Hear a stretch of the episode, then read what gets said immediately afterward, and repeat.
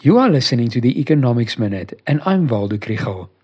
Many analysts expected the Chinese economy to recover strongly after their COVID restrictions were lifted. This did not happen, and the indicators remain disappointing. What is going on, and what will the impact be on us here in South Africa?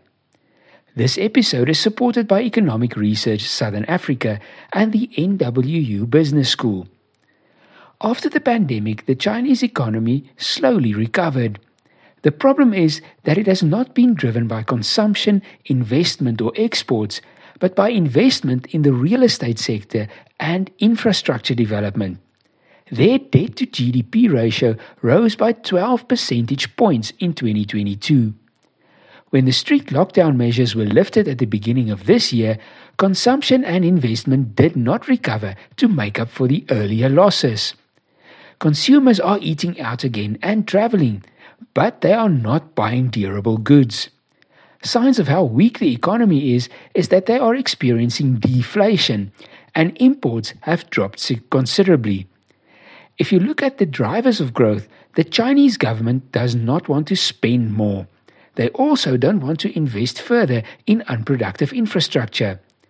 Exports will remain subdued because the global economy is not growing fast.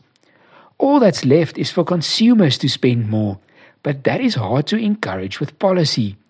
Household debt levels are already high, and other ways must be found to pay workers more or to cut taxes, which puts peop- money in people's pockets to spend. If consumers are uncertain about the future, they might even save some of that extra money, and then the plan won't work either. If the Chinese economy continues to grow slowly, it will dampen commodity prices and South African exports. This in turn has an impact on businesses and jobs in South Africa. The government's budget is also affected when mining companies no longer make huge profits and then pay less tax.